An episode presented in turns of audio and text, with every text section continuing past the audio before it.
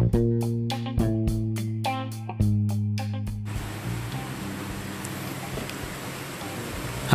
teman-teman apa kabar?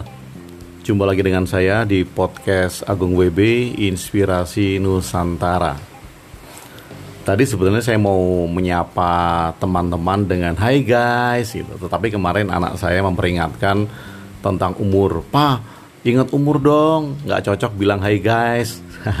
Ya sekarang saya ubah. Hai teman-teman. Bukan pakai Hai guys lagi. Nah gini. Saya tadi me membaca beranda Facebook, kemudian ada salah satu teman yang menulis e, kaitannya dengan masih dengan COVID-19 atau virus corona. Isinya adalah tentang virus corona dan uang digital. Ya, ini menarik bagi saya karena e, mungkin saja ada pikiran yang kebalik-balik atau sengaja dibalik. Jadi kurang lebih postingnya isinya seperti ini bahwa virus corona ini mereka duga yang posting ini uh, artinya yang menulis ya bukan yang share posting itu uh, mereka mengatakan bahwa virus corona ini senjata biologis yang memang diciptakan agar dunia berubah menggunakan uang digital. Jadi ada sekelompok elit yang menginginkan perubahan uang menjadi uang digital, tentu saja mereka yang punya kekuasaan oh, tentang uang digital ini. Kemudian mereka menciptakan virus, virus itu disebarkan ke dunia dan kehidupan berubah.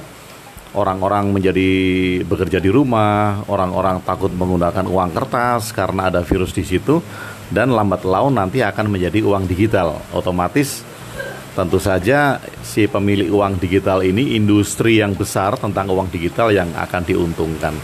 Nah ini menarik kan?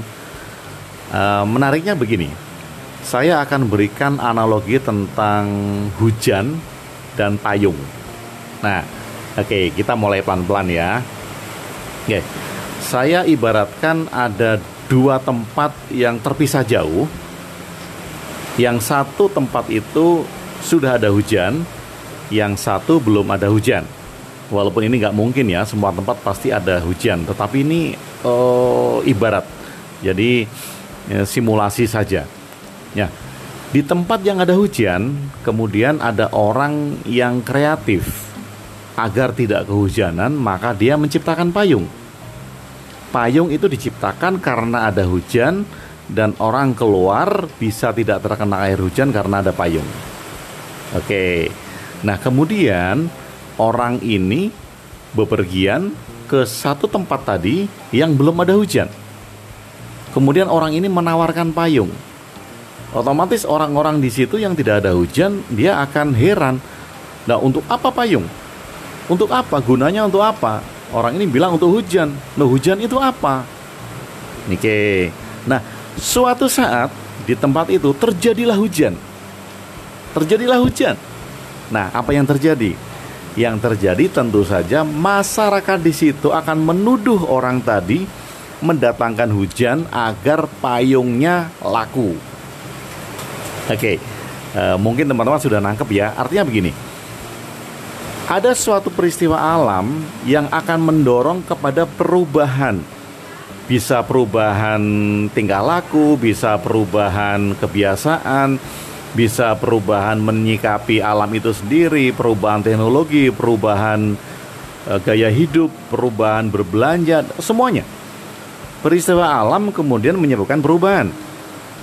Nah, tetapi dalam cerita payung tadi, pandangannya dibalik.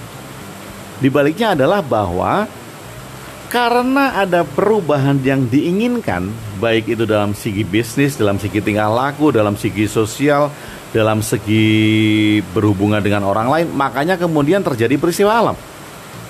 Nah, ini kan artinya sama saja. Kita bisa berpikir bahwa apakah virus corona ini ada untuk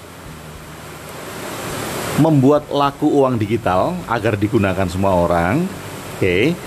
Atau ada peristiwa alam yang menyebabkan pandemi, yaitu virus corona ini, kemudian terjadi perubahan sikap hidup dan juga sikap dalam berbelanja. yaitu menggunakan uang digital. Nah, tentu saja teman-teman dalam menyikapi seperti ini, dalam membaca berita-berita seperti ini, masing-masing manusia hanya akan mendengar apa yang ingin ia dengar. Hanya ingin membaca apa yang ingin dia baca. Banyak orang-orang yang suka dengan teori konspirasi dan e, menghubung-hubungkan A dengan B, B dengan C, C dengan D, otomatis A dianggap sama dengan D. Nah, kita semuanya harus bijak dan mesti harus bisa melihat dengan jernih hal tersebut. Nah, menarik kan? Jadi eh, simulasi tentang payung dan hujan tadi bisa kita renungkan bersama-sama. Ketika ada hujan karena peristiwa alam, maka orang kemudian menciptakan payung untuk supaya agar dia tidak terkena air hujan. Nah, di sisi lain, orang akan menganggap bahwa orang menciptakan payung agar laku kemudian dia menyebabkan hujan itu ada. Nah, oke teman-teman, di saat-saat seperti ini tetap stay at home, tetap di rumah saja, banyak hal yang bisa kita lakukan. Banyak sekali hal-hal bermanfaat yang tentu saja bisa kita lakukan dari rumah, terutama untuk membantu lingkungan kita dan teman-teman kita yang membutuhkan. Nah, salam dari saya Agung WB. Selamat sore untuk Anda semua. Salam Indonesia.